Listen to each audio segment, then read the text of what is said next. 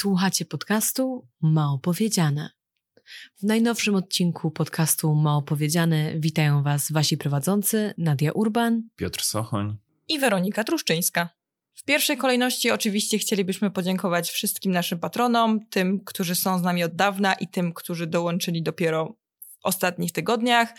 Jeżeli chcielibyście nas wesprzeć, to zapraszamy na patronet.pl ukośnik mało powiedziane i jeżeli chcielibyście się z nami skontaktować, to zapraszamy na maila kontakt małopowiedziane.pl Mieliśmy mówić o czymś zupełnie innym i szczerze mówiąc mieliśmy przygotowany taki temat no taki luźny. Luźniejszy, tak No. go nazwijmy. Ale wczoraj właśnie byłem na obiedzie z Weroniką i tak sobie gadaliśmy o tym, co dzieje się obecnie w Chinach, co może do Was dociera częściowo chociaż. I generalnie szerszym nastroju społecznym, z jakim mamy do czynienia teraz w Chinach, który chyba najcelniej byłoby określić jako stan niepewności. Tak, mimo tego, że zbliża się zima i temperatury spadają, to w Chinach aktualnie robi się coraz goręcej. W ostatnim tygodniu, a nawet dosłownie ostatniej nocy mają miejsce wydarzenia ważne, wydarzenia, które pokazują, jak duży właśnie niepokój społeczny panuje teraz wśród Chińczyków. Chiny dla wielu osób, które tutaj mieszkały, które się tutaj wychowały przez no, ostatnie lata czy dekady, widziały bardzo duży wzrost. Chiny z nadzieją spoglądały na przyszłość, bo jeżeli weźmiemy pod uwagę, co się tutaj działo przez, no powiedzmy, ostatnich 100 lat, to rzeczywiście w ciągu ostatnich lat ten skok był naprawdę bardzo duży i ludzie byli optymistycznie nastawieni do swojej przyszłości. Niestety, to w przeciągu ostatnich lat zaczęło się już zmieniać i o tym sobie dzisiaj porozmawiamy. Myślę, że warto zwrócić uwagę na dwa kluczowe wydarzenia, protesty, które miały miejsce w ostatnim czasie, no właściwie trwają i jeden z nich ma, miał miejsce w Zhengzhou, a drugi w Urumqi, więc zacznijmy może od tego pierwszego. Tak, protest, protesty w zasadzie w Zhengzhou są powiązane z ogromną fabryką, fabrykami tajwańskiej firmy Foxconn, która w Zhengzhou produkuje nic innego jak telefony komórkowe dla firmy Apple, czyli po prostu iPhony. I co tam się wydarzyło? Około miesiąc temu, mamy już koniec listopada, te wydarzenia zaczęły się pod koniec października, ludzie zaczęli z Foxconnu po prostu uciekać. Dlaczego? Dlatego, że po chińskim internecie i również po mm, kanałach, grupach e, na WeChacie dla pracowników Foxconnu zaczęły roznosić się plotki o dziesiątkach tysięcy zakażeń w fabrykach Foxconnu. E, W tych fabrykach pracuje od 200 do 300 tysięcy pracowników, e, więc naprawdę są to ogromne masy ludzi. I zaczęły właśnie pojawiać się plotki, że tych zakażeń jest bardzo, bardzo dużo. Już wtedy pracownicy w Foxconnie pracowali w tak zwanej bańce, czyli oni nie mogli opuszczać fabryki, mogli tylko e, być w swoich dormitoriach, hotelach pracowniczych i z tych hoteli mogli chodzić tylko prosto do fabryk tam pracować. I ci ludzie, którzy tam pracowali, widzieli, że codziennie z tych hal są zabierani ludzie, więc zaczęli się po prostu bać. Bali się zakażeń, tak, bali się dużych ognisk. W dalszym ciągu w Chinach generalnie ludzie się tych zakażeń boją. Wiele osób już coraz mniej, ale w dalszym ciągu ten strach, poziom tego strachu w porównaniu do tego, co znamy na przykład z Europy czy z Polski, jest bardzo wysoki. I No ale to przede wszystkim przez konsekwencje administracyjne z tym związane, niekoniecznie zdrowotne. Oczywiście. Wtedy ludzie, jako że ten Foxconn pracował w bańce, zaczęli po prostu uciekać przez płoty. Tam najczęściej pracują osoby pochodzące z prowincji Henan, czyli osoby, które mieszkają kilkadziesiąt czy 200-300 kilometrów od fabryki, więc te osoby zdecydowały się na po prostu powrót pieszo do domu. I Foxconn, będący jednym z największych podwykonawców dla Apple, zaczął panikować po prostu, że nie starczy ludzi, żeby złożyć te iPhony, które e, generalnie Foxconn ma dwa takie okresy, kiedy potrzeba im o wiele więcej pracowników niż normalnie i są to okresy e, późną wiosną oraz jesienią, właśnie dlatego, że wtedy Apple musi po prostu tych iPhone'ów sprzedać bardzo dużo, jako że wychodzą nowe modele i Foxconn zaczął panikować, więc zaczęto kampanię na rzecz powrotu tych pracowników, oferując im bonusową dniówkę w postaci, uwaga, uwaga, 30 juanów za każdy dzień pracy e, po powrocie. No i Ci ludzie rzeczywiście pomyśleli, że za te dodatkowe pieniądze może warto wrócić do pracy. Zresztą wtedy e, nawet wyszła taka informacja, że rząd lokalny w Zhengzhou e, oddelegował e, urzędników niższego szczebla do tego, żeby oni zrobili wszystko, upewnili się, że nowe iPhony, tyle ile potrzeba, na pewno zejdą z taśmy. No, tylko że co się wydarzyło potem? Niestety okazało się, że Foxconn nie zapłacił pracownikom tych obiecanych bonusów, zapłacił im mniej. I z czego to mogło wynikać? Oni twierdzili, oni przeprosili, powiedzieli, że to jest błąd systemu i że to naprawią, no ale no nie wiem, dla mnie to wygląda po prostu jak sytuacja, gdzie jakaś duża firma stwierdziła, że to są jacyś głupi ludzie ze wsi, damy mniej, pewnie się nie zorientują. Ale no pracowników te to wytłumaczenie, że to był błąd systemu, nie przekonało, więc pracownicy po prostu wyszli strajkować. I w tym momencie dzieją się właśnie te sceny, które być może wielu z Was widziało na nagraniach, które potem e, zostały wrzucone do sieci, krążyły po różnych social mediach, również tych zachodnich. I widzimy osoby, które rzucają barierkami, widzimy policję ubraną w pełne stroje ochronne, która próbuje rozganiać protestujących, no tam widać, że wśród tych protestujących było bardzo dużo przemocy, tak? Były starcia z policją, policja biła ludzi, e, są też nagrania, na których widać coś takiego. No, generalnie widzimy tę policję, która broni interesów prywatnej firmy. E, I ja nie wiem, czy wy widzieliście, jak o tych protestach wypowiadały się polskie media głównego nurtu, bo tam wydaje mi się, że tam nie do końca ta sytuacja była zrozumiana, bo one były przedstawione jako protesty anty-zero COVID. I oczywiście ten zero COVID mhm. był tam zapalnikiem dużym, no bo gdyby nie zero COVID, to ci ludzie by nie uciekali z tej fabryki, nie wracaliby potem i firma pewnie by nie musiała im płacić tych bonusów, ale... Ale jednak tak, tak, zgadzam się, że tym zapalnikiem było wycofanie się z obietnicy wypłacenia tych wyższych stawek. Tam było jeszcze sporo takich pracowników w związku właśnie z tym większym zapotrzebowaniem przed świętami, pracowników tymczasowych, którym obiecano w ogóle jakieś bardzo wysokie stawki, z których tam jedną trzecią czy połowę właściwie ścięto. No, myślę, że zero COVID, tak jak generalnie mówimy w tym odcinku, bardzo mocno do tego stanu niepewności w Chinach i nerwowości się przyczynia. I jest na pewno taki stan poddenerwowania w kraju, ale jednak no, w tym wypadku tak, należy się zgodzić z tym, co ty mówisz, Weronika, że chodziło przede wszystkim o te kwestie wypłat. Tak, ja doskonale pamiętam, jak e, cała sytuacja w Zhengzhou się zaczęła, mimo tego, że ona była dość długo zamiatana pod dywan, no bo przecież to ognisko w tej fabryce Foxconn no, nie wybuchło z dnia na dzień, tylko tak naprawdę zaczęły się pojawiać doniesienia też wśród pracowników, którzy uciekli z, z tej fabryki, że management ukrywał fakt, że, że to ognisko tam jest. No i pamiętam właśnie, jak, jak internet obiegły zdjęcia i filmy ludzi po prostu idących Albo do jadących domu. na pace jakiegoś samochodu. Tak, tak, na przykład na pace ciężarówki czy coś takiego. I oni oczywiście robili to po to, żeby też ominąć obostrzenia zero COVID, no bo aktualnie poruszanie się po kraju jest bardzo utrudnione i trzeba się legitymować kodem i e, testem. Natomiast pamiętam, że e, poza tym, że pracownikom, którzy odeszli, oferowano bonusy za powrót do pracy, bardzo wysokie stawki oferowano osobom, które mogłyby tam przybyć, zacząć pracować jako nowi pracownicy tymczasowi, właśnie to, o czym Piotr wspominał. No i właśnie, czy dotrzymano tych stawek? To jest pytanie. No, no nie dotrzymano. Ja tam nawet słyszałem o jakichś takich plotkach, że oni nawet 15 tysięcy miesięcznie mieli zarabiać. Wow, co jest gigantyczną sumą. No oczywiście mówimy o bardzo dużym wymiarze pracy, codziennie przez kilkanaście godzin. Tak, ja mam wypisane stawki Foxconnu tutaj, bo czytałam e, historię pewnej kobiety, która uciekła z tego Foxconnu wtedy i Foxconn oferuje basic salary, czyli za pracę powiedzmy 6 dni w tygodniu po 8 godzin, 2000 miesięcznie tylko 2000 juanów miesięcznie i oczywiście Te ta kobieta... podstawy, to jak mówiliśmy, tak. one są zawsze bardzo niskie. No. Tak, i oczywiście ta kobieta mówiła, że tam wszyscy dosłownie robią nadgodziny, żeby wyciągnąć chociaż te 3,5 do 4 tysięcy. No to ile oni muszą pracować, żeby tyle wyciągnąć? 14-16 tak, godzin, tak, tak? tak? I do tego e, ona też powiedziała, że jeżeli nie opuści się więcej niż 3 dni pracy, no to można dostać bonus w wysokości nawet 10 tysięcy, więc jakby wtedy te pieniądze się robią dla nich sensowne i też dlatego oni tyle tam pracują. Mhm. No niestety ci ludzie naprawdę przez te kilka tygodni znaleźli się w takim wirze dwóch potężnych sił, z jednej strony naprawdę takiego bezdusznego kapitalizmu, tak. a z drugiej nie baczącego na żadne skutki społeczne autorytaryzmu w formie właśnie tych regulacji zero-covidowych.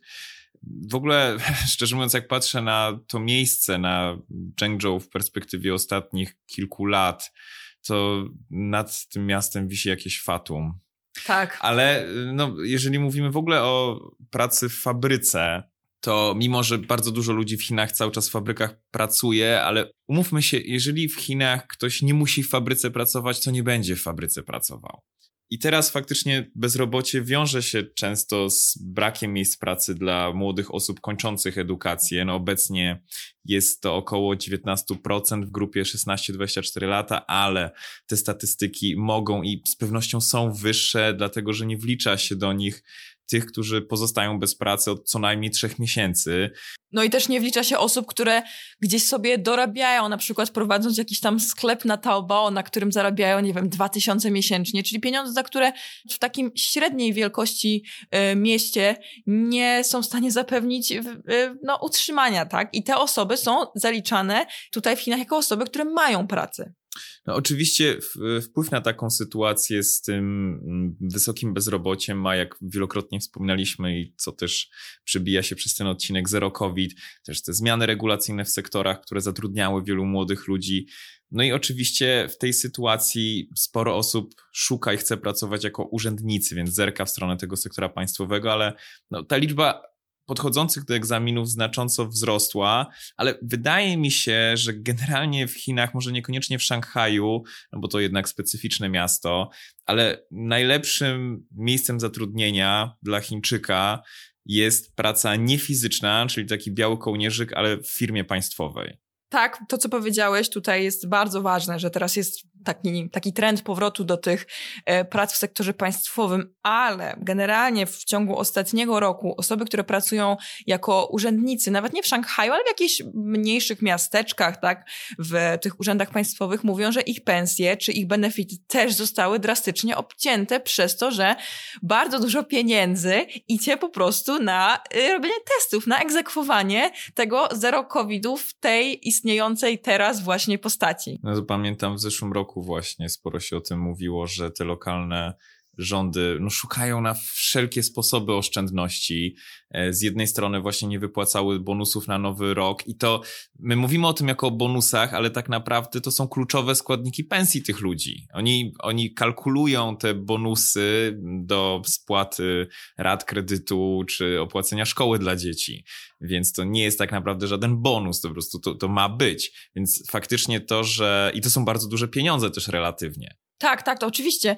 Ja jeszcze pamiętam z czasów, jak e, pracowałam tutaj, miałam staż w firmie, to każdy wyczekiwał na ten bonus i to było pewne. To nie jest tak, że bonus to jest coś za, za dobrą pracę. Każdy pracownik dostaje bonus w wysokości ustalonej wcześniej, typu na przykład, nie wiem, dwie wypłaty, tak, miesięczne, czy w, na przykład w firmach państwowych, czy gdzieś tam w urzędach to jest jeszcze więcej. I rzeczywiście, tak, te bonusy są w ogóle składnikiem y, pensji tych osób, tak? To ma jeszcze mocniej strukturyzować tę hierarchię pracodawca-pracownik, w której po prostu pracownik oczekuje w napięciu, czy ten bonus dostanie, a pracodawca łaskawie będzie go wypłacał.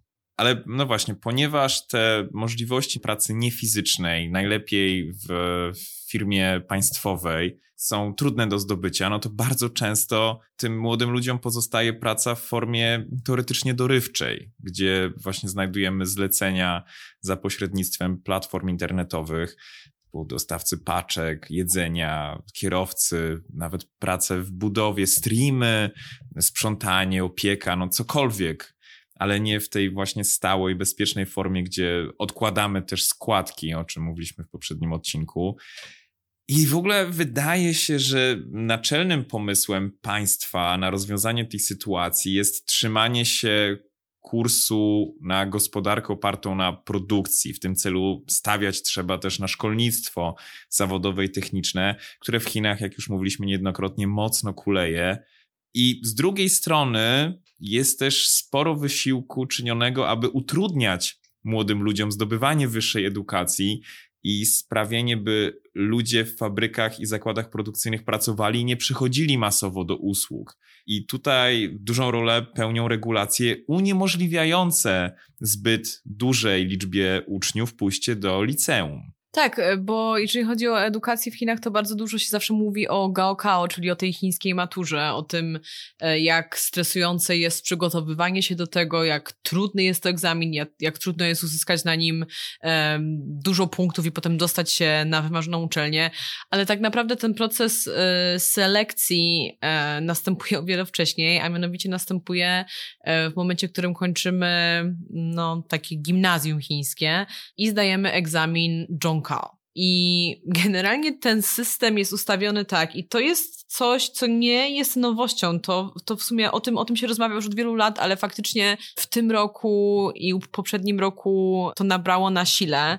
Otóż tylko około 50% uczniów, którzy w ogóle zdają Zhongkao, będzie miało możliwość pójścia do liceum. Nie mówimy o tym, że ten, czy ten egzamin jest trudny, czy nie, bo to nie o to chodzi. Chodzi o to, że musimy mieć bardzo wysoką liczbę punktów, żeby w ogóle mieć możliwość dostać się do, do liceum, bo z góry około połowa osób zdających Zhongkao będzie miała możliwość tylko i wyłącznie pójścia do szkoły technicznej. No właśnie, i to są także elementy, które gdzieś spinają się pod tym hasłem dużej niepewności, która myślę, że dla każdego z nas, jak tutaj siedzimy, jest odczuwalna. Chyba zgodzimy się co do tego, że wyczuwa się taką atmosferę w Chinach niepewności co do właśnie edukacji, pracy.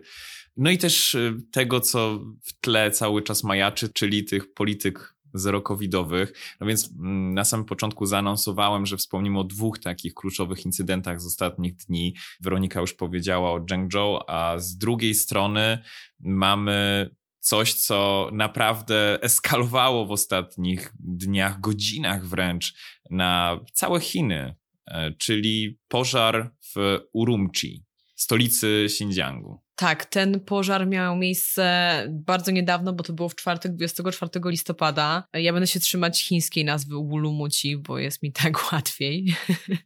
w każdym razie mówimy o stolicy Xinjiangu i słuchajcie, tam wybuchł pożar w jednym z budynków mieszkalnych, które to pożary generalnie w Chinach no, nie są rzadkie, bo standardy bezpieczeństwa pożarowego są jakie są. W każdym razie w tym pożarze zginęło 10 osób, a kolejne 9 osób zostało rannych. No i ten pożar wywołał olbrzymie kontrowersje, ponieważ strażacy mieli utrudniony dostęp do budynku ze względu na barierki otaczające budynek. Dodatkowo pojawiły się doniesienia, których ja nie byłam w stanie potwierdzić, że osoby znajdujące się w tym budynku miały dodatkowy problem z wydostaniem się z niego samodzielnie, ponieważ drzwi do wyjścia na korytarz czy do wyjścia z budynku były, były zablokowane. Nie wiem, czy tak faktycznie było, bo władze zamiatają to wszystko pod dywan i nie podają za dużo szczegółów. Natomiast no, jeżeli chodzi o to, co ludzie piszą w internecie, to raz wiele rzeczy jest usuwanych, dwa też no, nie jesteśmy w stanie ich zweryfikować, aczkolwiek na przykład taka sytuacja miała miejsce w naszym budynku w trakcie szanghajskiego lockdownu, gdzie pewnego dnia jeden z naszych sąsiadów chciał wyjść z budynku, e, no i okazało się, że drzwi do wyjścia na parter są po prostu zamknięte na klucz. No bo dodajmy tylko, że mówiąc o tym utrudnieniu z dostaniem się dla wozu strażackiego, czy jakichś barierkach, czy zamkniętych ewentualnie drogach ewakuacyjnych wewnątrz budynku, to to wszystko miało czy miałoby związek właśnie z lockdownem w Urumqi. Tam jeszcze była taka sytuacja, że e, samochody zaparkowane pod blokiem za, zastawiały wjazd dla e, wozu strażackiego. No i jaki to jest problem? Wy, my tu mieszkamy, my wiemy, jak ludzie parkują pod blokami. Bardzo często jest tak, że stoi po prostu taka, no stoi kilkadziesiąt samochodów jeden przy drugim. Nie da się ich przeparkować tak od razu i problem był jeszcze taki, że niektórzy właściciele tych samochodów, które tam stały, byli w ośrodkach kwarantannowych i nie byli w stanie, jakby no, nie był, nikt nie był w stanie tych samochodów przestawić. Znaczy bardzo często w ogóle to jest złożona kwestia, tak, ja też słyszałem i widziałem takie nagrania, że podobno nie chodziło wcale o te barierki e, okalające osiedle i budynek, tylko właśnie o te samochody, że to utrudniało przede wszystkim dojazd temu wozowi strażackiemu, ale zdecydowanie tutaj są takie dwie rzeczy dotyczące chińskiej kultury. Jedna rzecz to właśnie parkowanie samochodów. To o tym wspominaliśmy, że faktycznie tych samochodów jest tak dużo na tych małych osiedlach i te osiedla nie są do tego przystosowane do końca. Miejsca garażowe są bardzo drogie i Chińczycy czasami często machają ręką i mówią, dobra, to będziemy tam gdzieś parkować mm, na zewnątrz, na, na terenie osiedla, na uliczkach okalających, a że generalnie w Chinach, w miastach nie można za bardzo parkować na ulicach.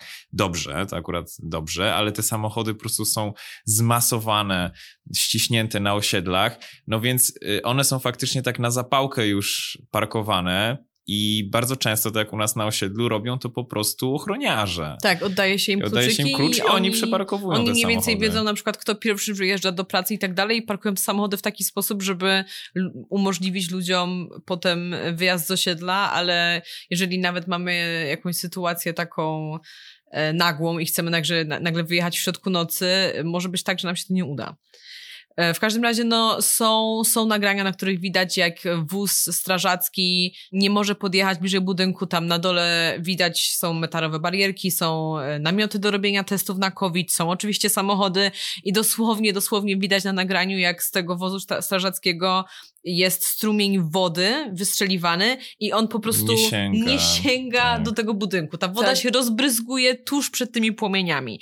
Więc zajęło im to w ogóle prawie trzy godziny, żeby ugasić e, ten pożar, który sam sobie był wypadkiem, bo to już potwierdzono, że to po prostu było jakieś zwarcie w, na 15 piętrze no właśnie, bo to jest, mieszkaniu. To jest ten drugi smaczek e, z braku laku, użyję tego słowa, taka ciekawostka dotycząca, może pogłębiająca kontekst tego, o czym mówimy to y, bardzo często Chińczycy mają w mieszkaniach takiej lichej jakości bardzo różne, dziwne urządzenia elektryczne. Instalacje też są takie. Mm. Instalacje to zdecydowanie y, są, są kiepskiej jakości. To o tym mówiliśmy też w odcinku o architekturze w Chinach, gdzie mieszkają, jak mieszkają Chińczycy ale bardzo często tak, oni będą mieli jakieś baterie stare od skutera, które będą ładowali w domach, jakieś takie kocyki podgrzewane, no bo w tych mieszkaniach jest zimno, one też są słabo ogrzewane, okna są też kiepskiej jakości, więc oni się dogrzewają różnymi sposobami, właśnie takie kocyki są bardzo popularne. No i różnego innego typu e, urządzenia elektryczne, także kuchenne, bo te kuchnie nie są zbyt dobrze wyposażone, więc tam trzeba dokupować, tak. E, kolejne, kolejne urządzenia, rice cooker, tak, do gotowania ryżu, jakiś piekarniczek i tak dalej, i tak dalej. No i do tego wszystkiego dodajemy fakt, że Ulmuci jest na lockdownie od sierpnia. Są ludzie, którzy nie opuścili swoich budynków od ponad 100 dni, e, co jest w ogóle faktem którego ja nie wiedziałam, bo o ile pamiętam, jak ten lockdown się zaczął, no to potem jakby to zniknęło troszeczkę z, z newsów. No i gdzieś tam wszyscy doszli do, do wniosku, że to po prostu się skończyło w pewnym momencie. Okazuje się, że nie. No, trochę tak jak z lockdownem w Szanghaju, jak w Polsce ludzie śledzili na początku, potem gdzieś pod koniec kwietnia już media przestały się interesować i w maju ludzie założyli, że już pewnie koniec tamtego lockdownu. A my dopiero w czerwcu wyszliśmy z domu. w czerwcu wyszliśmy z domu. No więc jeżeli dodać do tego fakt, że ci ludzie, którzy tam zmarli, 10 osób zginęło w tym pożarze, plus jeszcze 9 jest cały czas w szpitalu, więc nie wiadomo, czy liczba ofiar się nie zwiększy. No ostatnie 3 miesiące swojego życia ci ludzie spędzili zamknięci w tych domach. Ja nie wiem, czy wy widzieliście te nagrania z WeChata e, krążone po internecie, jak ci ludzie wysyłają wiadomości głosowe na grupach osiedlowych. Hej, nie mamy już tu powietrza, ratujcie nas, nie możemy oddychać i no i to były ich ostatnie Kosmos. wiadomości. No i właśnie, jeżeli tutaj tutaj Nadia wrzuciła, że faktycznie bardzo możliwe, co do tego doprowadziło, oprócz utrudnienia dla, z dojazdem dla strażaków, to zamknięte drogi ewakuacyjne wewnątrz budynku, zamknięte chociażby klatki schodowe, zamknięte drzwi, czy tak było, czy nie, ja ośmielę się powiedzieć, znając doświadczenia także ze lockdownu w Szanghaju, który mimo wszystko spodziewam się, że był dużo bardziej cywilizowany. Jestem przekonany, że tak było. Jestem przekonany, że tam wszystkie drzwi były pozamykane. Jestem przekonany, że klatki schodowe były pozamykane, ale tak czy siak, nawet jeżeli to nie miało miejsca, a ludzie od razu zareagowali w ten, a nie inny sposób, jednoznacznie zrzucając to na karb właśnie niewłaściwej implementacji polityki zero COVID, znaczy niewłaściwej, no to znaczy niewłaściwej, no po prostu implementacji polityki zero COVID, to jest nie bez przyczyny. Ci ludzie sami wiedzą, jak lockdowny wyglądają i po prostu już wcześniej mieliśmy masę przypadków, gdy na przykład do chorych czy uległych wypadkowi dzieci nie dojeżdżały karetki. No duże protesty z tego powodu miały miejsce właśnie w Zhengzhou, o którym mówiliśmy. No i tam zmarło czteromiesięczne dziecko. E, gdyż właśnie karetce zajęło zbyt długo, by dojechać na miejsce, właśnie przez utrudnienia związane z lockdownem w tamtym mieście. No, żeby ukazać w ogóle skalę absurdu jeszcze tego, to i tak zanim takie dziecko czy chory może zostać zabrane do szpitala, nawet w stanie krytycznym, to musi najpierw być przetestowany negatywnie pod kątem COVID. Absolutnie. To ten pożar w Ulumuci to jest wisienka na torcie w serii tragicznych zgonów spowodowanych polityką zero COVID. Znaczy powiedzmy sobie szczerze, no to każdy z nas wiedział, że to się w końcu wydarzy. Tyle osób było zamkniętych gdzieś na klucz, że jak nie teraz, to gdzieś no, indziej. To się musiało stać. Tak, Oczywiście. To wszyscy wiedzieliśmy, że to się stać. stanie. A tak jak mówię, no sytuacji takich tragicznych było mnóstwo. Na przykład e, no, była sytuacja nastolatki, która przebywała w ośrodku do kwarantannowania i zaczęła się bardzo źle czuć. Są nagrania, na których widać, że ona jest w bardzo złym stanie, a przez bardzo długi czas nikt nie udzielił jej żadnej pomocy medycznej i ta dziewczynka zmarła. Podobnie zmarł e, trzyletni chłopiec w Lanzhou, gdzie też był lockdown i cała rodzina tam zatruła się czadem, tylko że jakby no rodzice się ocucili, ale dziecko, dziecko nie. W ogóle to dziecko nie otrzymało żadnej pomocy medycznej ze względu na lockdown, bo najpierw do ojciec dzwonił po karetkę, to dyspozytor odmówił mu wysłania tej karetki, bo ta rodzina mieszkała na osiedlu, które było zakwalifikowane jako wysokiego ryzyka. Więc ten mężczyzna po prostu poszedł do bramy i zaczął jakby szukać pomocy u ludzi, którzy no, są tymi pracownikami sanitarnymi na tym osiedlu, którzy oczywiście powiedzieli, że nic nie są, nie mogą zrobić. Często ci ludzie tak naprawdę to nie, to nie są lekarze, tak, pielęgniarze, to są w ogóle, to są, tak, tak to tak. są ludzie... Ale niestety oni mają bardzo dużą władzę. No tak więc... było w przypadku Zhengzhou, że te właśnie osoby, ci pracownicy sanitarni na osiedlu, oni stwierdzili, że to dziecko czteromiesięczne nie potrzebuje wcale pomocy. Tak, On tam wymiotowało, tak, czuło tak. się bardzo czteromiesięczne dziecko, tak. ale oni stwierdzili, że ludzie bez wykształcenia tak. medycznego, że nie, no tam będziemy dzwonić po karetkę jakąś. No właśnie, no i na przykład w przypadku tego chłopca ten ojciec w końcu z, przy pomocy sąsiadów, oni po prostu zdemolowali bramę do osiedla i cudem im się udało dotrzeć do szpitala, ale to już było za późno, tego, tego dziecka już nie dało się uratować. Znaczy no sam pamiętam taką sytuację, nie wiem czy o niej wspominaliśmy, ale to historia znajomego, który, którego dziecko właśnie źle się czuło i on po prostu nie czekał na ambulans, sadził dziecko do samochodu, podjechał pod bramę i powiedział otwierać. No i wtedy to był okres lockdownu szanghajskiego. No i tej bramy nie, też był obcokrajowcem. Nie chciano mu otworzyć, to miało, to miało duże znaczenie, ale mimo wszystko tej bramy nie chciano mu otworzyć. On powiedział, okej, okay, albo otwieracie, albo ja przyjadę was razem z tą bramą. No i generalnie bramę otworzono. E, no i też sytuacja, która wywołała olbrzymie, olbrzymie wzburzenie, to był wypadek autobusu, który wiózł ludzi na kwarantannę. E, no i w wypadku tego autobusu zginęło 27 osób które tak. w ogóle nie musiałyby tam być, więc no. Tak, o tym mówiliśmy w naszym briefingu też już jak, wtedy, kiedy to miało miejsce i tam rzeczywiście... To było we wrześniu. Tak, to było w e, Guizhou, w stolicy prowincji Guizhou, Guiyang. Ci ludzie byli właściwie wywożeni z Guiyang na kwarantannę i tam też bardzo dużo się mówiło o tym, że osoba, która kierowała tym autobusem i wiozła tych ludzi na tą kwarantannę, miała założony pełen strój ochronny, który mógł no, utrudniać jej widzenie drogi i ten autobus po prostu wpadł do rowu się przekręcił.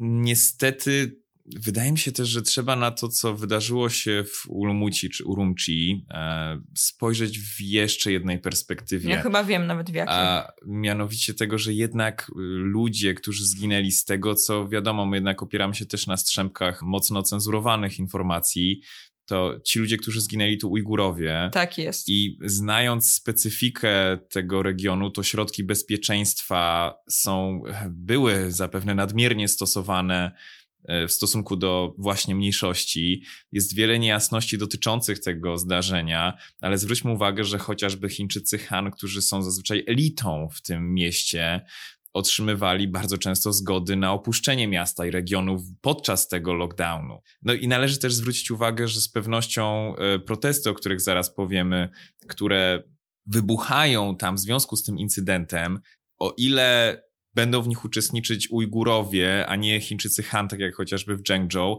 mogą być traktowane inaczej. Natomiast z tego, co też widzę, i to tak mówię dosłownie, to są rzeczy, których dowiadujemy się z godziny na godzinę, żeby nie powiedzieć z minuty na minutę, to jednak z tego, co widać, i to jeszcze o tym zaraz pewnie Weronika i Nadia powiecie, że po zdjęciu lockdownu częściowego z tego miejsca, gdzie doszło do pożaru, bo ostatecznie rząd stwierdził, że magicznie po prostu COVID tam wyparował i już pożar nie ma potrzeby. Wypalił. Pożar wypalił COVID, dosłownie. No, czarny humor, ale faktycznie tak to należałoby interpretować i tam już nie ma potrzeby dalej e, tego osiedla utrzymywać w zamknięciu. No ale w związku z tym pożarem i w związku z tym także, że ten lockdown zdjęto niemal natychmiastowo po tym e, tragicznym wydarzeniu, to doszło do pewnego efektu domina i teraz mieszkańcy innych części Urumqi, które cały czas są objęte lockdownem, przyłączają się do protestów, no i bardzo często są to jednak Chińczycy Han.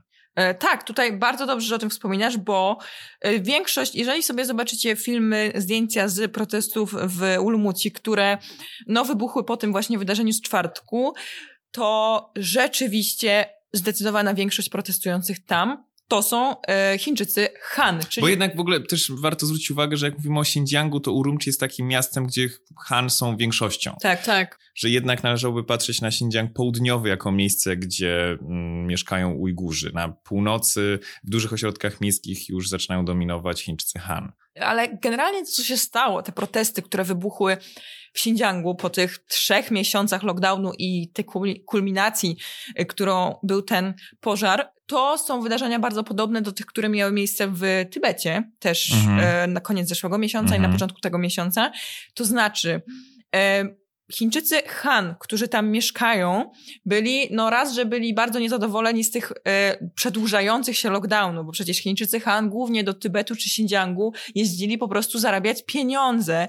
I, no, Często na jakieś krótkie kontrakty. Tak, tak, jest. Siedzieli tam zamknięci, nie zarabiali, do tego byli bardzo, bardzo daleko, tysiące kilometrów od swoich domów i oczywistym jest to, że oni byli niezadowoleni i to głównie Chińczycy Han, zarówno w Tybecie, jak i w Xinjiangu, prowokowali te protesty. No i też trzeba brać poprawkę taką na to wszystko, że jednak te mniejszości tam są, mogą być dosyć mocno zastraszone i one boją się po prostu e, sprzeciwić tym metodom, no bo jednak e, wszyscy wiemy, jak się traktuje tak Tybetańczyków czy Ujgurów, oni mogą się po prostu bać. Ci ludzie w samym Urumqi trochę zaczynają się bać skali tego, co się dzieje i myślą o tym, że okej, okay, my chcieliśmy w gruncie rzeczy, żeby myślano bardziej o naszym bezpieczeństwie, otwarciu miasta, niekoniecznie obalaniu władzy. E, tak, no też zwróćcie uwagę, że jednak jak ci ludzie wychodzili na te protesty, no to tam bardzo dużo było e, chińskich flag, tak, grano chiński hymn, jednak te osoby też mogą się obawiać, jako że Xinjiang jest takim bardzo niestabilnym i no politycznie wrażliwym miejscem, no to te osoby, nawet Hanowie, którzy tam się zbierają, mogą się bać, że zaraz zostaną posądzeni o jakąś działalność wywrotową. No ale jednak tutaj, żeby nie wchodząc bardzo w szczegóły, te relacje i dynamika Chińczycy Han, a Ujgurowie na miejscu jest taka, że ci Chińczycy Han zdecydowanie czują się lepsi, tam dochodziło wcześniej do starć między nimi, więc to, że oni starają się w, w tych momentach wplatać e, symbolikę mm, no, związaną z Chińską Republiką Ludową, czy no, symbolikę propaństwową, to nie jest akurat y, bardzo zaskakujące. Myślę, że tam jest bardzo, bardzo dużo złożonych rzeczy w tym, w tym, w tym kotle. I po, pokazanie wyższości zdecydowanie. no, bycia pewnym Więc... takim pionierem, tak. e, takim właśnie trzymającym pochodnie w tym marszu ku rozwojowi zachodnich prowincji. No jeżeli słyszycie to wszystko, to na pewno nie dziwi was to, że gniew, takie poczucie bezsilności, desperacja też w wielu przypadkach, to są coraz częściej emocje, które tutaj towarzyszą ludziom na co dzień i faktycznie e, no, polityka zero COVID, o ile ona w 2020 i 2021 roku była skuteczna, no to w tym roku przybrała zupełnie nowe oblicze. Ja jestem w ogóle pod wrażeniem tego, jak przez ostatni rok polityka, która była bardzo popularna bardzo. i która była, no, która spowodowała to, że Chińczycy byli dumni ze swojego kraju i ja naprawdę słyszałam dziesiątki razy takie hasła od osób, które lubiły wcześniej wyjeżdżać za granicę, które myślały nawet o wyprowadzeniu za granicę. Po tym, jak tutaj w 2020 roku bardzo szybko opanowano tego wirusa, ludzie mówili, jednak u nas w Chinach jest najlepiej. Ale też wiecie, no, e, trzeba być świadomym tego, że ludzie na zachodzie i wy również słuchający nas e, byli beneficjentami polityki zero COVID, bo polityka zero COVID też powodowała, że w Chinach tutaj fabryki były otwarte, porty były otwarte, cały czas produkowano, cały czas eksportowano i, i dzięki temu jakby ta gospodarka globalna cały czas się kręciła. Tak, ja myślę, że też tutaj bardzo dużo osób nie do końca sobie zdaje sprawę z tego, że w momencie, w którym Chiny zrezygnują z polityki zero COVID, kiedyś taki moment nadejdzie, no to pierwszych kilka tygodni, miesięcy to będą problemy z łańcuchami dostaw. No, no więc właśnie, yy, więc dopóki faktycznie sytuacja była taka, że oni byli w stanie trzymać ten kraj szczelnie zamknięty i drastycznymi metodami, ale szybko wygaszać te niewielkie ogniska, które tutaj miały miejsce, to wszystko było fajnie. Natomiast no teraz, kiedy te ogniska są coraz większe i też granice nie są już szczelnie zamknięte, e, no sytuacja jest e, coraz mniej ciekawa. Ale chciałabym trochę porozmawiać o tym, co wydarzyło się dosłownie wczoraj w nocy. My dzisiaj nagrywamy w Pod niedzielę moim domem. rano e, ten, ten podcast i to są rzeczy, które są bardzo, bardzo świeże. Słuchajcie, wczoraj doszło do serii protestów, incydentów w wielu miejscach w kraju, w tym jeden z nich miał miejsce właśnie u nas w Szanghaju. E, wieczorem e, ludzie zebrali się na ulicy Ulmuci. Czyli ulicy Urumqi. Tak, w Szanghaju wszystkie ulice są nazwane praktycznie od nazw innych jakichś miast. Tak. Podobnie jak w Polsce Nie, w no sumie. tak. Tak jakby była ulica jakaś tam warszawska, poznańska. No, na No tak, przykład. tak, coś, tak. coś, coś w tym stylu, dokładnie. No więc ludzie spontanicznie zebrali się na tej ulicy, e, początkowo po to, żeby po prostu zapalić znicze, złożyć kwiaty i generalnie uczcić pamięć ofiar tego pożaru. Tylko, że tam zaczęło coraz więcej ludzi przychodzić i faktycznie te emocje zaczęły brać górę i zaczęły przekształcać się po prostu w gniew.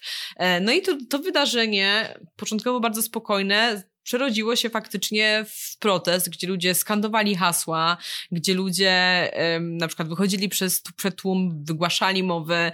E, to są rzeczy, które dzisiaj, dzisiaj mogliśmy zobaczyć na e, social mediach. To są rzeczy, które dzisiaj usłyszałam od swoich znajomych, którzy też byli tam na miejscu. E, no i jeżeli na przykład chodzi o hasła, które tam były skandowane, no to niektóre z nich były bardzo takie skierowane typowo na zero COVID, na przykład e, moje ulubione e, ma, co oni ma, czyli dosłownie jebać kod zdrowia. E, I jeszcze to nie jest taki zwykły kod zdrowia, tylko to jest ta- taki kod zdrowia, który trzeba skanować przed wejściem do każdego miejsca, który został wprowadzony w całym kraju po lockdownie w Szanghaju, więc to jest e, taka bardzo specyficzna rzecz. Ale pojawiły się też hasła bardzo polityczne. Precz z Xi, precz z partią komunistyczną. E, I wolność słowa też. tak, dużo było właśnie o, o, wolności, o wolności słowa. No i ja przejrzałam dzisiaj rano e, internet i szybko zidentyfikowałam dwie osoby, które e, były tam na miejscu wśród, wśród moich bliższych znajomych, dwie dziewczyny, więc e, napisałam do nich, ponieważ były również doniesienia o tym, że policja tam wywoziła ludzi autokarami. No i rozmawiałam z jedną koleżanką, która mieszka w ogóle niedaleko tego miejsca i mówi, że ona początkowo słyszała z okna, że jest jakieś poruszenie i w ogóle jej pierwsza myśl była taka, że to jest związane z y, mundialem, że po prostu ludzie tam coś sobie skandują ze względu na to, że mundial ma miejsce. No to teraz powiem wam, jaka była moja pierwsza myśl, bo ja też tam mieszkam obok i przychodziłam tam, wracałam do domu o północy i rzeczywiście widziałam sporo ludzi i pierwsze, o czym pomyślałam, to jest to, że tam kogoś wywożą pozytywnego z COVID-em. Więc to jest właśnie znak naszych czasów. Tak. No i mówi, że potem zobaczyła na WeChacie, że faktycznie dużo ludzi e, repostuje, że są na tej ulicy i żeby przyjść, więc ona również postanowiła tam dołączyć do tego tłumu. No i mówi, że e, na przykład, właśnie ciekawe, na przykład mówi, że kiedy pojawiły się hasła o tym, żeby nawołujące chińską partię komunistyczną do ustąpienia i Xi Jinpinga do ustąpienia, to na przykład ona powiedziała, że ja nie skandowałam tych haseł, ponieważ ja nie wiem, czy jest jakiekolwiek inne dla, rozwiązanie dla Chin niż e, partia komunistyczna. Nie widzę Chin bez partii komunistycznej. Ona powiedziała mi takie, em, takie zdanie, że ja chcę tylko tych podstawowych rzeczy. Chcę wolności słowa i końca zero COVID. No właśnie, żeby to wszystko w jakąś tam perspektywę włożyć. No też nie chcę, żebyście odnieśli wrażenie, że ma miejsce jakaś gigantyczna fala protestów, która obali e, Partię. partię no zmieni ten system. Nie, no to się powiedzmy nie stanie. szczerze, nie. To się nie stanie. Ludzie po prostu są wściekli. Ludzie są, właśnie dla- dlatego ja bym chciał mówić dużo o tej niepewności, nerwowości, która objawia się w różnej formie. Na pewno to, że ludzie mieli pewne oczekiwania związane z tym kongresem partyjnym, tak. ma znaczenie. One jednak nie do końca się ziszczają. Nie, one nie, w ogóle się prawie nie ziszczają. Ale tak. zaraz o tym powiemy jeszcze. Ale no właśnie, właśnie. No, no. Bo tutaj też, też pewne inicjatywy polityczne są podejmowane przez centrum, ale nie, no jednak, jednak też miejmy na uwadze to, że to są tacy trochę usual suspects, jeżeli chodzi o te protesty, czyli mm, raczej będą to kampusy uniwersyteckie, tak, tak. E, będą to zamożniejsi ludzie, no w Szanghaju też ma znaczenie to, że były to centralne lokalizacje no miasta. Kurde, Ulumuciro 20, 30, 40-letni ludzie. Ja bym tylko powiedział jeszcze jedną taką rzecz dotyczącą wywózki tych osób, o której słyszeliśmy od swoich znajomych. Generalnie mm, to też może być ciekawe dla Was, że takie protesty, które zazwyczaj są pokojowe jednak w Chinach, bo, bo ci Chińczycy nie są bardzo eksplozywni, agresywni mm, zazwyczaj, to mm, one będą się sprowadzały przede wszystkim do tego, żeby odizolować tych ludzi, żeby tak. tam nikt więcej nie przychodził, możliwie ich zidentyfikować, no i żeby po prostu to zakończyć możliwie mm, pokojowymi działaniami. To nie jest tak, że tam policja wejdzie i zacznie wszystkich pałować czy rozjeżdżać, tak. więc... Nie było tak właśnie... Nie chcę tutaj, broń Boże, być jakimś adwokatem diabła, ale, ale no... Nie, no, tak no ale właśnie tak ja rozmawiałam z ludźmi, którzy byli na miejscu, bo uważam, w stosunku do Chińczyków Han, tak. Tak, no. uważam, że zawsze, zwłaszcza jeżeli mam taką możliwość, dobrze jest y, skonfrontować to, co się widzi w internecie z świadkami. No i faktycznie ona powiedziała, że ona y, była tam do 3.30, więc ten protest trwał naprawdę bardzo długo. E, I ona mówi, że w momencie, w którym zauważyła, że się zbiera coraz więcej policji, że faktycznie są te autokary, ona się po prostu zebrała, ale ten protest sam trwał mniej więcej do piątej nad ranem. E, I generalnie policja tam raczej obserwowała ten tłum. Były, były incydenty pojedyncze, jakiegoś tam szarpaniny z jakimiś pojedynczymi ludźmi, ale tak jak Piotr powiedział, to nie było tak, że tam policja po prostu wbiegła w tłum i rozgoniła wszystkich. Natomiast to, co się stało, to yy, policja odcięła kordonem dostęp do tej ulicy i ludzie, którzy przychodzili tam, żeby dołączyć do protestu, nie mieli możliwości już tego zrobienia. I to tam właśnie najwięcej było jakichś takich przepychanek i takiego przekrzykiwania się, bo ci ludzie byli po prostu zirytowani że nie mogą dołączyć się do reszty protestujących. No jednak umówmy się, także tutaj z jednej strony można mówić do pewnego stopnia, że nie ma dużego oczekiwania zmiany systemu, y, ale jednak y, też no, działalność państwa ukierunkowana na to, żeby takie incydenty nie przerodziły się w nic większego, y, no to, to wszystko jednak teraz w takich przypadkach to zbiera żniwo, w tym sensie, że no, partia uczyniła wiele, żeby takie właśnie pojedyncze incydenty nie przeradzały się w jakieś masowe ruchy, w jakieś organizacje, e, które miałyby antysystemowy, wywrotowy charakter, więc te, ta kultura tego protestu, mimo że wciąż jest żywa w Chinach, to jednak ona nie ma trochę przestrzeni na to, żeby ewoluować w nic większego. E, jeszcze ja bym chciała się odnieść do tego, Nadia, właśnie co mówiłaś, że te protesty w Szanghaju tutaj były takie pokojowe. One były naprawdę bardzo pokojowe, również w porównaniu do tego, o czym mówiliśmy na początku, czyli e, w stosunku do tych protestów Zhengzhou. w Zhengzhou, ale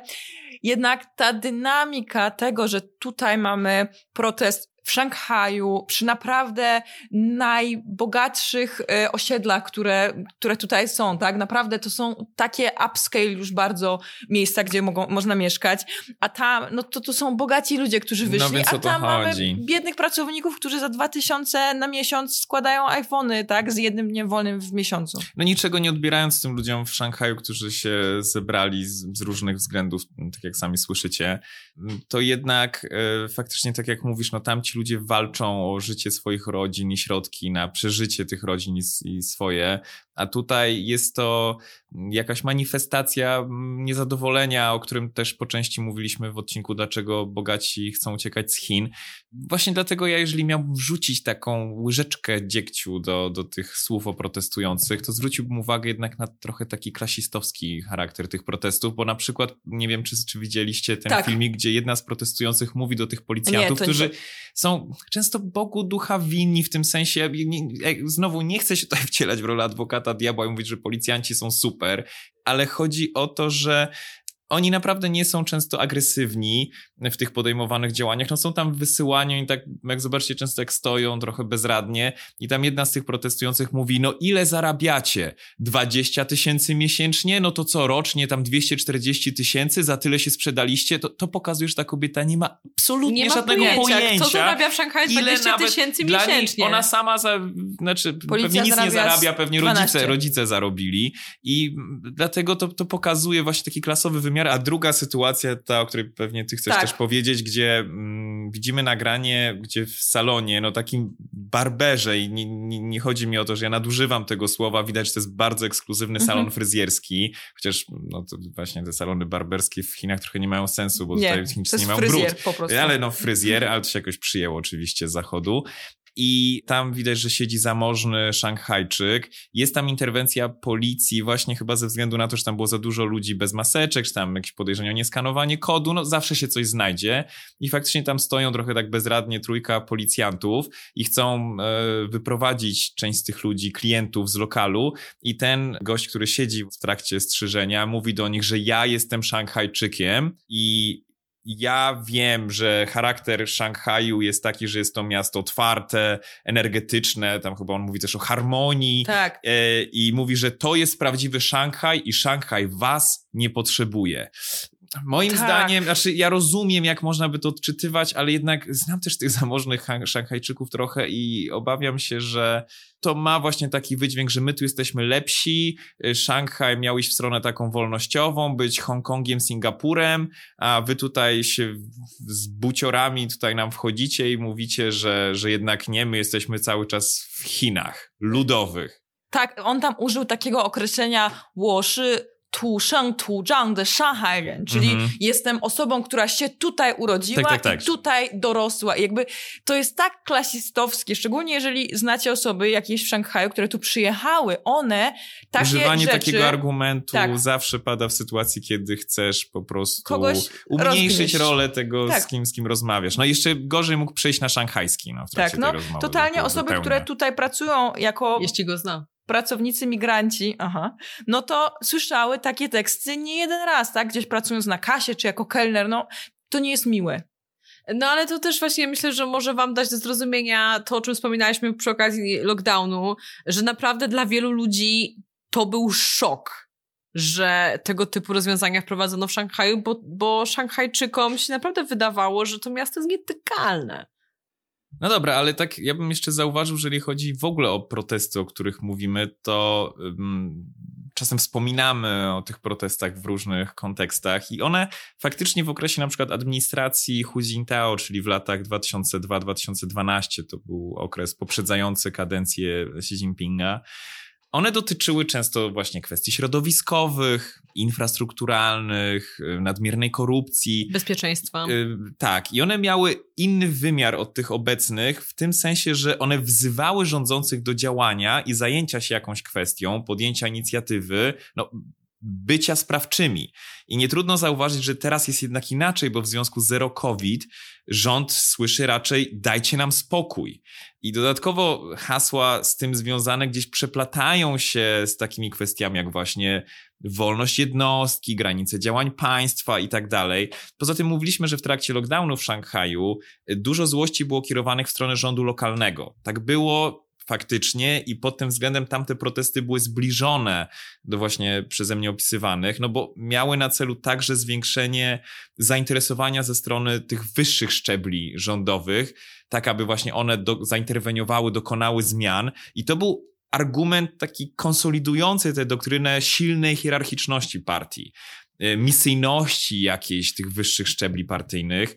Obecnie jednak no, protesty dotyczą polityki ogólnochińskiej, silnie utożsamianej z Pekinem. I słyszymy nawet często głosy, no, chociażby ze- środowisk akademickich, że o tym, że receptą na racjonalniejszą implementację polityki covidowej jest przekazanie większej decyzyjności właśnie w dół. Więc tutaj bym zauważył, że te protesty nie są tym samym. Znaczy, czy to ja się z tym zgadzam, czy nie, to jest jakby inna kwestia, ale to pokazuje, że te protesty jednak różnią się zdecydowanie od tamtych wcześniejszych, na które było przyzwolenie i które nawet mm, władza rozgrywała w jakiś dla siebie korzystny sposób. Myślę, że to też widać w protestach, które miały miejsce na kampusach wielu uniwersytetów e, po tym pożarze, z których chyba um, najwięcej uwagi zebrał protest w Nankinie, gdzie studenci zebrali się w ciszy, um, żeby uczcić po prostu pamięć zmarłych, ale też um, widziałam mnóstwo zdjęć z wielu miejsc w kraju, które przedstawiają graffiti. Graffiti, które w Chinach, musicie to wiedzieć, jest bardzo rzadkie. Żeby zobaczyć tutaj e, ścianę wysmarowaną graffiti, to naprawdę znaczy mi się jeszcze nie zdarzyło. No są tego takie, bardzo takie rzadko. zorganizowane. Czasami są, są zorganizowane, takie takie, że naprawdę ktoś sam z siebie coś takiego zrobił. O No nie. nie. Więc tak, na przykład no, e, widziałam zdjęcia w, e, z Hangzhou, gdzie były napisane na ścianie i to też e, duże czerwone znaki. To jest, to jest typowe. Duży, du, dużymi czerwonymi znakami na przykład wypisane wolność albo śmierć. I to, to są e, tak samo na przykład w Shanghai Theatre Academy e, też, też e, wolność albo śmierć. To, to hasło było wypisane na ścianie jednego z budynków i to jest hasło, które było też używane przez protestujących na Tiananmen. No, w Uniwersytecie Pekińskim też znowu pojawiło się nawiązanie do protestu, który miał miejsce w Pekinie przed, tuż przed kongresem i było znowu powtórzenie tych samych haseł, czyli nie chcemy testów, chcemy jeść, nie chcemy lockdownów, chcemy wolności. I to graffiti zostało bardzo szybko zmyte, ale tam studenci też się zebrali i śpiewali międzynarodówkę. Znowu na innej e, pekińskiej uczelni, Beijing Institute of Fashion Technology, w łazience wypisano na drzwiach do kabin Renmin Falu Ziyo, czyli ludzie, prawo e, i wolność. A w Akademii Filmowej w Pekinie tam zrobiono taki happening, e, gdzie obwieszono po prostu klatkę schodową maseczkami, które są ubrodzone substancją przypominającą krew. Na tych uczelniach jest dużo takich incydentów e, pokazujących właśnie ogólne niezadowolenie. No dobra, ale to też nie jest tak, że rząd jest cały ukontentowany tym zero covidem, chociaż tutaj też pojawiają się różne e, ciekawe koncepcje tego, że to, co rządowi się naprawdę w podoba, to to, że jest to jednak instrument gigantycznej kontroli, od którego łatwo się uzależnić. No ale z drugiej strony widzimy ewidentnie konsekwencje gospodarcze, także do pewnego stopnia społeczne, ale wiemy, że ta ekonomia ma dużo większy chyba wpływ na y, decyzje polityczne. No i dochodzi do takiego momentu zwarcia, kiedy no, i w Pekinie rządzący zaczynają zdawać sobie sprawę z tego, że należy coś zmienić, no i pojawia się pewna zmiana i pojawia się przedstawienie nowych wytycznych, nowych polityk dotyczących tego, jak zero COVID ma teraz wyglądać. No i właśnie jak te nowe wytyczne, jak ta nowa wizja Pekinu wygląda. Tak zwanych 20 nowych zasad, które zostały wprowadzone ze dwa tygodnie temu. Ja już nie zapisałam sobie dokładnej daty, ale generalnie te, tych 20 zasad poprzedzały bardzo ciekawe wydarzenia, bo po internecie zaczęły się rozchodzić plotki, że e, bodajże dwa tygodnie temu, w sobotę, na konferencji CDC w Pekinie mają zostać przedstawione rozluźnienia, poluzowania polityki zero COVID i co ciekawe, to się nie stało. I osoby, które te plotki rozsiewały, tam były między innymi takie, że nie będzie już e, identyfikowania drugorzędowych kontaktów, że zostanie skrócona kwarantanna i tak dalej. Osoby, które te plotki rozsiewały, zostały przez e, ludzi, którzy mieli nadzieję na poluzowanie tych zasad, no, zostali zasypani komentarzami, ale tutaj nic nie wiedzieliście, a rozsiewaliście plotki i tak dalej. Po czym Większość tych plotek się sprawdziła, ale około tydzień później, więc to rzeczywiście była bardzo ciekawa sytuacja. No i e, o co chodziło w tych 20 nowych zasadach? Co się dokładnie zmieniło? Więc ja teraz tak mniej więcej e, punkt po punkcie, nie o wszystkich, bo niektóre można złączyć w jedno, ale tak mniej więcej powiem, co się zmieniło. Pierwsza rzecz. Kwarantanna dla osób przyjeżdżających z zagranicy, z 7 plus 3, czyli 7 dni w hotelu oraz 3 dni w domu, na 5 plus 3, czyli 5 dni w hotelu, 3 dni w domu. Jeżeli przyjedziemy do Chin, no to zostaniemy zawiezieni na kwarantannę 5 dni w, do, 5, 5 dni w hotelu i potem 3 dni kolejne w domu. No to jest krócej, bo to jest 8 dni, a nie 10. To samo dla bliskich kontaktów. Wcześniej to było tydzień w hotelu i 3 dni w domu, teraz 5 dni w hotelu, 3 dni w domu. Dalej, to, o czym mówiłam, czyli skasowanie trakowania kontaktów tak zwanych drugorzędowych, czyli kontaktów, kontaktów, to jest coś, przez co ja trafiłam na kwarantannę domową 7 dni w październiku. Teraz już tego nie ma. Jeżeli mieliśmy kontakt z kimś, kto miał kontakt z osobą pozytywną, to nie będziemy mieli z tego tytułu żadnych y, kwarantan, żadnych konsekwencji. Dalej. Nie identyfikuje się już obszarów średniego ryzyka, tylko wysokiego ryzyka oraz niskiego ryzyka. Wcześniej jeszcze było średnie. Dalej.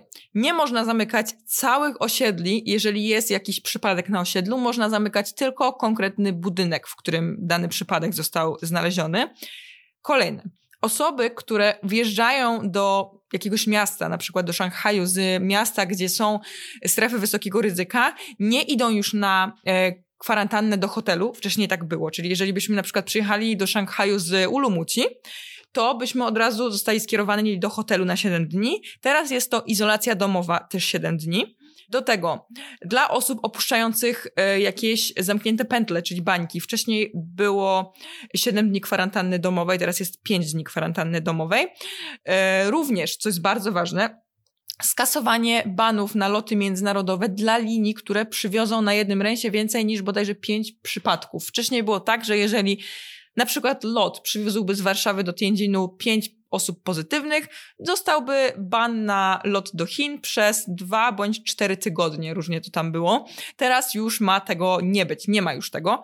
E, kolejna rzecz, nie można bez wyraźnych powodów zarządzać masowych testów, aczkolwiek czym są te wyraźne powody, to nie zostało doprecyzowane, ale o tym to chyba jeszcze za chwilę sobie porozmawiamy.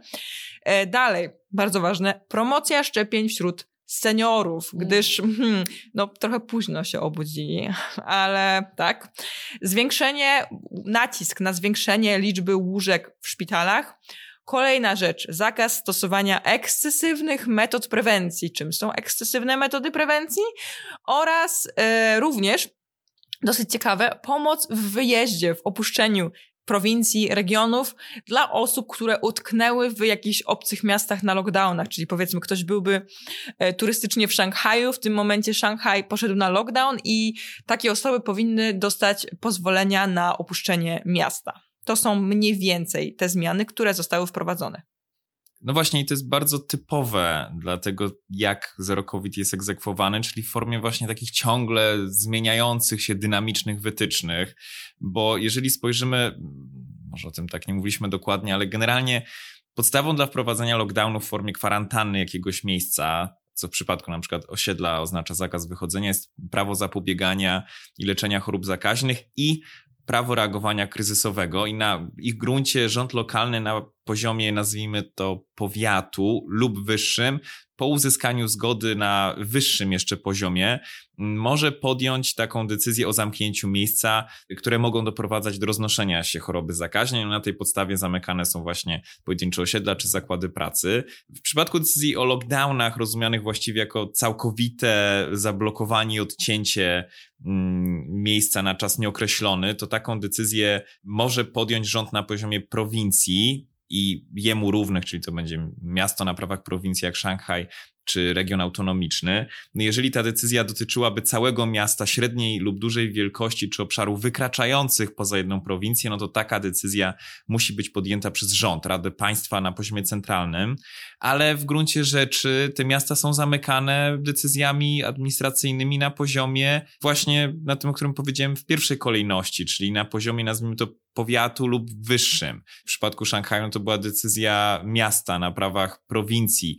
Ten rząd mimo że może to robić na poziomie centralnym, nie korzysta z tego prawa, więc tutaj widzicie czytelnie, że chodzi o to, żeby tę odpowiedzialność ponosiły rządy lokalne. Oczywiście. Tak, no to już są, to są też takie nieduże nie, nie w gruncie rzeczy różnice. Tam problem z dodawaniem ciągle nowych terminologii, co oznacza taki typ zamknięcia, tamten typ zamknięcia, też nie pomaga w rozumieniu tego całego systemu. Mm, bardzo dużym problemem jest to, o czym mówiliśmy, czyli duży i niekontrolowalny wpływ lokalnych komitetów osiedlowych. I tutaj przede wszystkim w tym kontekście, o którym powiedziałaś, tych, Te testy masowe. tych y, testów, ale też, ale też nie nadużywania, jak to było dokładnie sformułowane, takich środków ekscesywnych. Tak, tak? ale no, czym są te no więc właśnie, ale, ale, ale one są, mam wrażenie, że to jest adresowane do tych komitetów osiedlowych ich status w ogóle jest niejasny i jest to świetny przykład tego, jak ten system prowadzi do nadużyć, jeżeli jest zorganizowany w taki rozmyty sposób.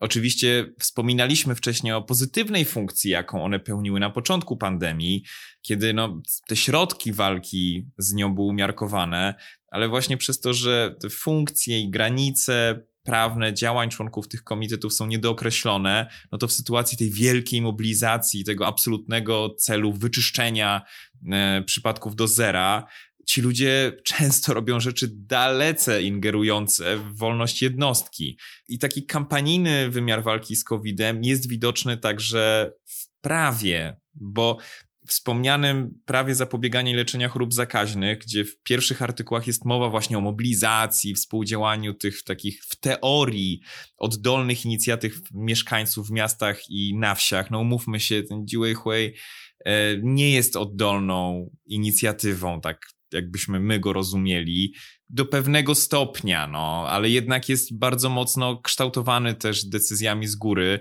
No i z jednej strony mamy masę wypowiedzi chińskich prawników, którzy będą powtarzać jak mantrę właściwie, że komitety osiedlowe pełnią jedynie funkcję pomocniczą i mogą przekazywać decyzje administracyjne i jakby asystować w, w ich wykonaniu, nie mogą inicjować daleko sięgających działań, naruszających przede wszystkim prawa jednostek. No, z drugiej strony czytałem wypowiedzi urzędników, na przykład w Szanghaju wcześniej, takie w stylu właśnie wesołego, utopijnego socjalizmu, że w gruncie rzeczy te rady osiedlowe to są wyrazem autonomii mieszkańców i dlatego nie powinny być ograniczane w swoich funkcjach. No jeżeli one właściwie chcą chronić swoje osiedla, no to mogą implementować dodatkowe środki. I te komitety były dodatkowo chwalone przez media, pompowano taki ten balonik ich aktywności. I no to jest zresztą bardzo charakterystyczne dla chińskiego w sumie nie tylko systemu, że te takie kontrowersyjne, ciężkie działania się spycha na sam dół drabiny. No i te nadreaktywne komitety się w tę logikę wpasowywały idealnie. No i to jest duży problem. Ten problem także miał miejsce w przypadku Urumqi. Tak. Ewidentnie. Oczywiście nie muszę mówić, że takie zamykanie mm, na kłódkę drzwi wyjściowych z budynków czy dróg ewakuacyjnych jest nielegalne i łamie regulacje, prawo przeciwdziałania zagrożeniom pożarowym. Znaczy, no ja tutaj zdecydowanie się z tym zgadzam rząd centralny taką niejasność jednak lubi. Ona jest mu na rękę, powiedzą, że nie można stosować ekscesywnych metod, no ale czym jest ekscesywna metoda? Nie jest to doprecyzowane. I potem w momencie, w którym gdzieś w Urumci kogoś zamkną, e, zamkną im tam te drzwi e, na, na kłódkę i się coś zapali, no to rząd centralny może powiedzieć, to była ekscesywna metoda, oni nadużyli swojej władzy, nie powinno tak być robione. Po czym w momencie, kiedy na przykład tam by nie zamknęli tych drzwi, ktoś by wyszedł i by zaraził e, pół osiedla, to by było, że no to komitet osiedlowy nie dopilnował, zbyt słabe środki zostały podjęte, tak? Tak. Ale mówiąc właśnie o tych protestach, które są wyrazem jakiejś tam frustracji wynikającej z niepewności, bezradności, one przybierają różne formy, ale poza takimi krzykami czy postami internetowymi, bo o tym nie powiedzieliśmy, ale bardzo częste w tych dniach e, są e, posty takie trochę niejednoznacznie sugerujące sprzeciw, bardzo często Taki składające meta język to jest. Meta język internetowy składający się na przykład z jednego znaku tak. mówiącego ha, ha, ha, ha, czyli tak dobrze, dobrze, dobrze, albo tak. sing, sing, sing, że jest jakby okej, tak, tak, tak, tak, tak. Co oczywiście ma albo takie przesadne, wyolbrzymione pochwały wobec pewnych działań rządu postowane, czyli no generalnie ma to taki charakter satyryczny ewidentnie,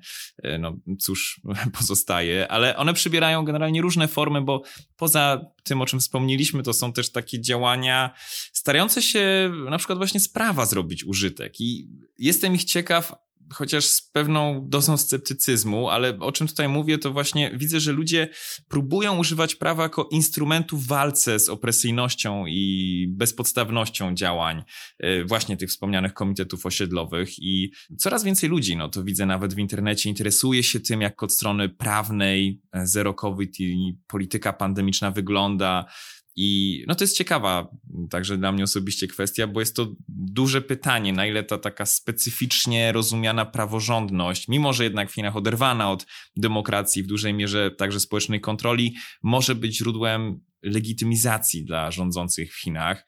No, że jest to już fenomen badany, to zdecydowanie można powiedzieć, że ma to duże znaczenie dla Chińczyków i ich odbioru władzy. I generalnie wbrew temu, co mogłoby się niektórym wydawać, Chińczycy nie zatracili wcale takiego instynktu zaangażowania Mm, obywatelskiego i chociażby uruchomione ścieżki elektronicznego składania petycji i zażaleń cieszą się bardzo dużą popularnością. I dlatego rząd musi być ostrożniejszy w reagowaniu na taki konstruktywny opór obywatelski, który opiera się na prawie, no bo ten rząd także z prawa i tego hasła praworządności mm, czyni bardzo duży użytek. Tak, e, no i w momencie, w którym E, te, tych 20 nowych zasad zero COVID zostało ogłoszonych, e, ludzie byli naprawdę bardzo optymistycznie niektórzy do tego nastawieni, a inni, inni niektórzy, zastanawiali się, czy rzeczywiście te zmiany będą miały aż tak duże znaczenie. No bo mamy kwarantanny dla osób z zagranicy, 7 plus 3, 5 plus, plus 3, wiadomo, to jest zmiana w dobrą stronę, ale czy to jest aż tak duża różnica, czy posiedzę 8 dni w, na tej kwarantannie, czy posiedzę 10 dni, no to w dalszym ciągu jest dużo, tak? No i pytanie, jakie mogą być problemy z egzekwowaniem w ogóle tego? I to jest też kolejny problem, dla którego Chinom naprawdę nie jest łatwo zrezygnować z polityki zero COVID, a mianowicie tutaj naprawdę poluzowanie tych restrykcji będzie się równało ze wzrostem zakażeń, co będzie się równało również ze zgonami. Chińczycy no bo, tak, tak. nie mają właściwie żadnej odporności zbiorowej.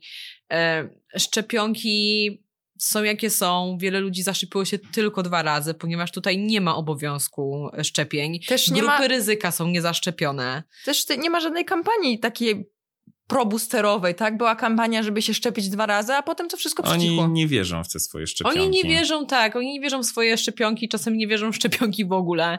Dodajmy, że naprawdę przez cały ten czas, no o tym mówiliśmy bardzo dużo, o tym się bardzo dużo mówi, nie powstał system szpitalny, który faktycznie mógłby zaabsorbować nie, nie, nie, nie. Wszystkie pieniądze chorych. poszły na budowanie infrastruktury, kwarantannowania, odcinania, testowania. testowania, zamykania ludzi tam barierkami w ich własnych mieszkaniach, ale nikt nie pomyślał, ty, a może byśmy zainwestowali te pieniądze w służbę zdrowia. Tak, no to ogólnie. dużo cięższe jednak. Do też ogólnie ten system chiński nie promuje inwestowania w e, służbę zdrowia lokalną, no bo lokalni politycy, mówiliśmy o tym nieraz, oni są przez jakiś tam czas, tak, w jednym miejscu, więc oni będą pompowali PKB inwestycjami w, w Gaotie, tak, i, i w budowanie niepotrzebnych rzeczy, a inwestowanie w służbę zdrowia, w lokalną ochronę zdrowia, to nie jest rzecz, która będzie miała spektakularne efekty w postaci szybkiego wzrostu PKB.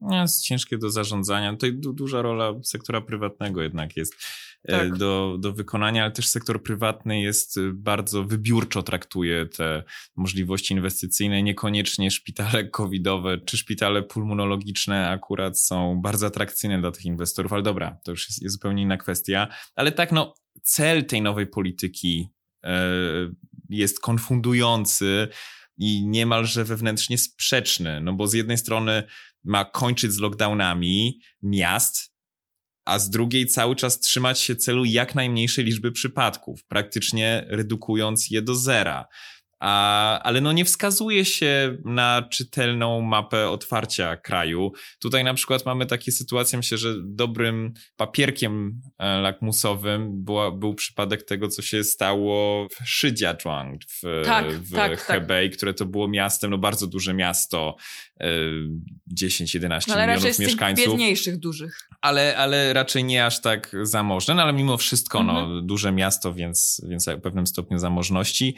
I miasto, które chciało się otwierać i no, przez jakiś czas się mówiło, że o, faktycznie to może być miasto, Pierwsze. które e, wydepcze, wydepcze tak, tę ścieżkę otwarcia ale bardzo szybko jednak ewidentnie tam zainterweniowano z góry i powiedziano, że nie, wracacie na lockdown, kiedy przypadków było za dużo.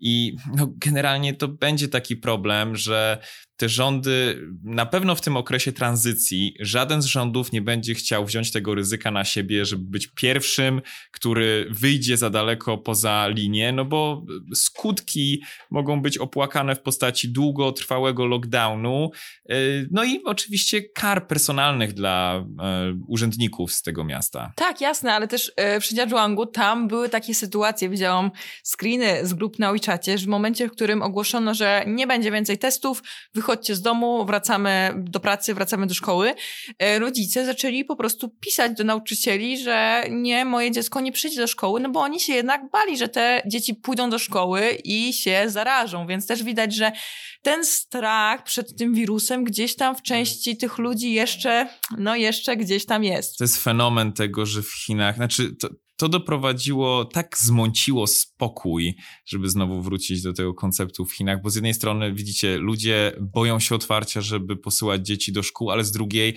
no to wiemy i też o tym słyszymy, że ludzie boją się posyłać na przykład dzieci do e, przedszkoli, dlatego że jest bardzo szeroko rozsiana plotka, o tym, że mm, patyczki do testowania i płyny właściwie, w których e, się je moczy, zawierają toksyczne substancje i ludzie nie chcą za żadną cenę, żeby małym dzieciom te patyczki codziennie do ust wkładano. I bardzo dużo dzieci... A taki jest wymóg, jeżeli a taki jest wymóg, jeżeli chodzimy do szkoły, to musimy się szkół czy przedszkoli, więc, więc e, ci rodzice, jeżeli nie muszą, to tych dzieci nie posyłają, to ma dalsze konsekwencje. No, jest to skomplikowane. No, wielu też sugeruje, mm, że Chiny mogą taki plan otwarcia rozrysować trochę w następstwie eksperymentu czy pilotażu. Ale to w dużej mierze jest przeceniane i w ogóle jest to trochę niezrozumienie tych pilotaży w Chinach. E, uważam, że niestety także wśród osób zajmujących się Chinami istnieje takie przekonanie, że Chiny mają po prostu dojrzały i funkcjonalny model pilotaży politycznych, które z powodzeniem można implementować no, w odpowiedzi na najróżniejsze, wszelkie wyzwania. No ale jak zaimplementować taki pilotaż? Powiedzmy w Szanghaju, co teraz zamkniemy Szanghaj na cały kraj i tylko ludzie będą mogli za granicę wyjeżdżać i tu będziemy żyć z wirusem, a reszta kraju będzie miała dalej zero COVID? Nie rozumiem, o co znaczy, miało na, na pewne, na, na, Do pewnego stopnia to mogłoby służyć, oczywiście, ale... Czy to jest możliwe do zrobienia? Ale, no właśnie. Odcięcie no. Szanghaju od reszty kraju? Znaczy jest, to, jest, jest to możliwe do pewnego, do pewnego stopnia. I my sami o tym mówiliśmy, że to była jakaś okazja, żeby w Szanghaju to zrobić, no ale pod tym właśnie warunkiem, że zaakceptuje się większe ryzyko poza też Szanghajem. Otóż, jeżeli, to. jeżeli to się nie stanie, no to nie ma właściwie żadnej rozmowy. No.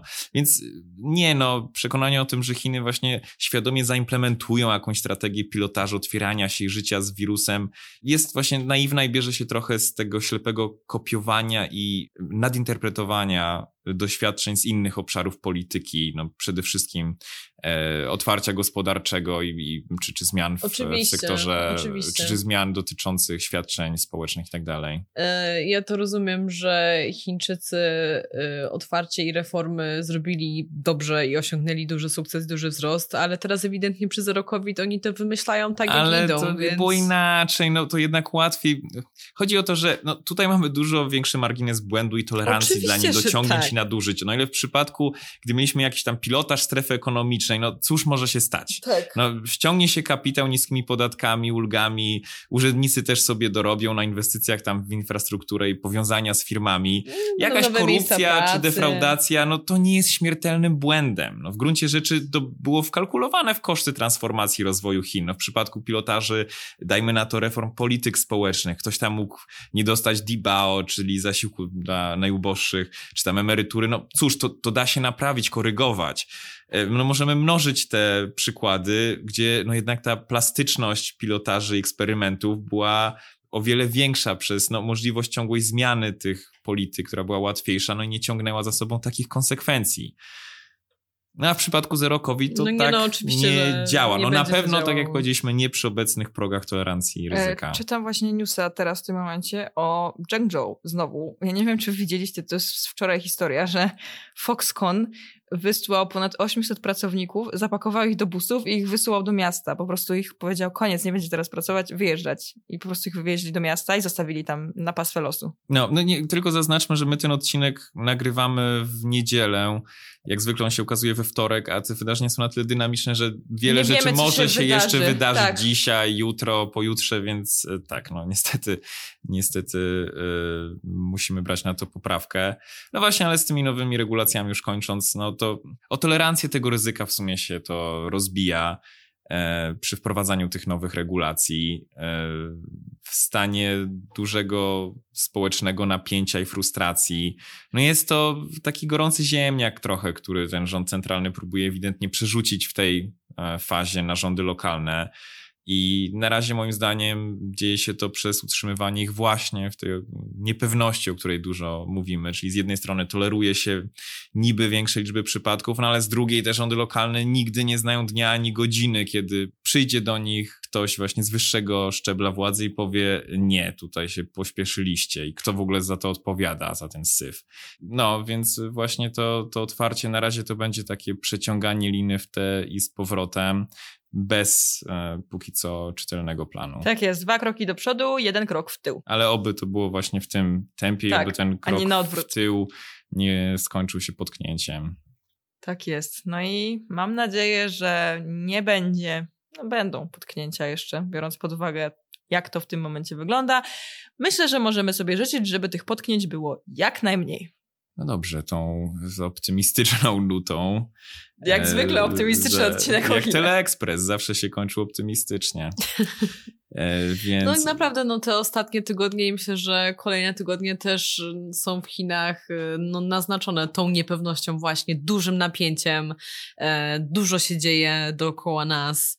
No, ten proces odchodzenia od zero COVID jest gigantycznym testem mm, tak naprawdę dla całego chińskiego modelu politycznego. Abstrahując od zarzucania komuś dobrej czy złej woli, chodzi o zdolność centrum politycznego do egzekwowania polityk na szczeblu lokalnym.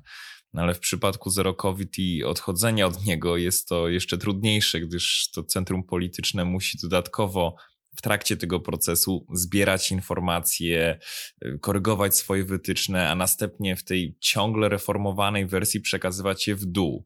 A już fakt tego, że mówimy o wirusie, który podróżuje pomiędzy granicami administracyjnymi, to sprawia, że poziom koordynacji między prowincjami niżej rządami lokalnymi powinien być w teorii bardzo wysoki, żeby to odejście od zero COVID zakończyło się sukcesem. Więc zapowiada się na mozolny proces i to w dodatku owocny w napięcia.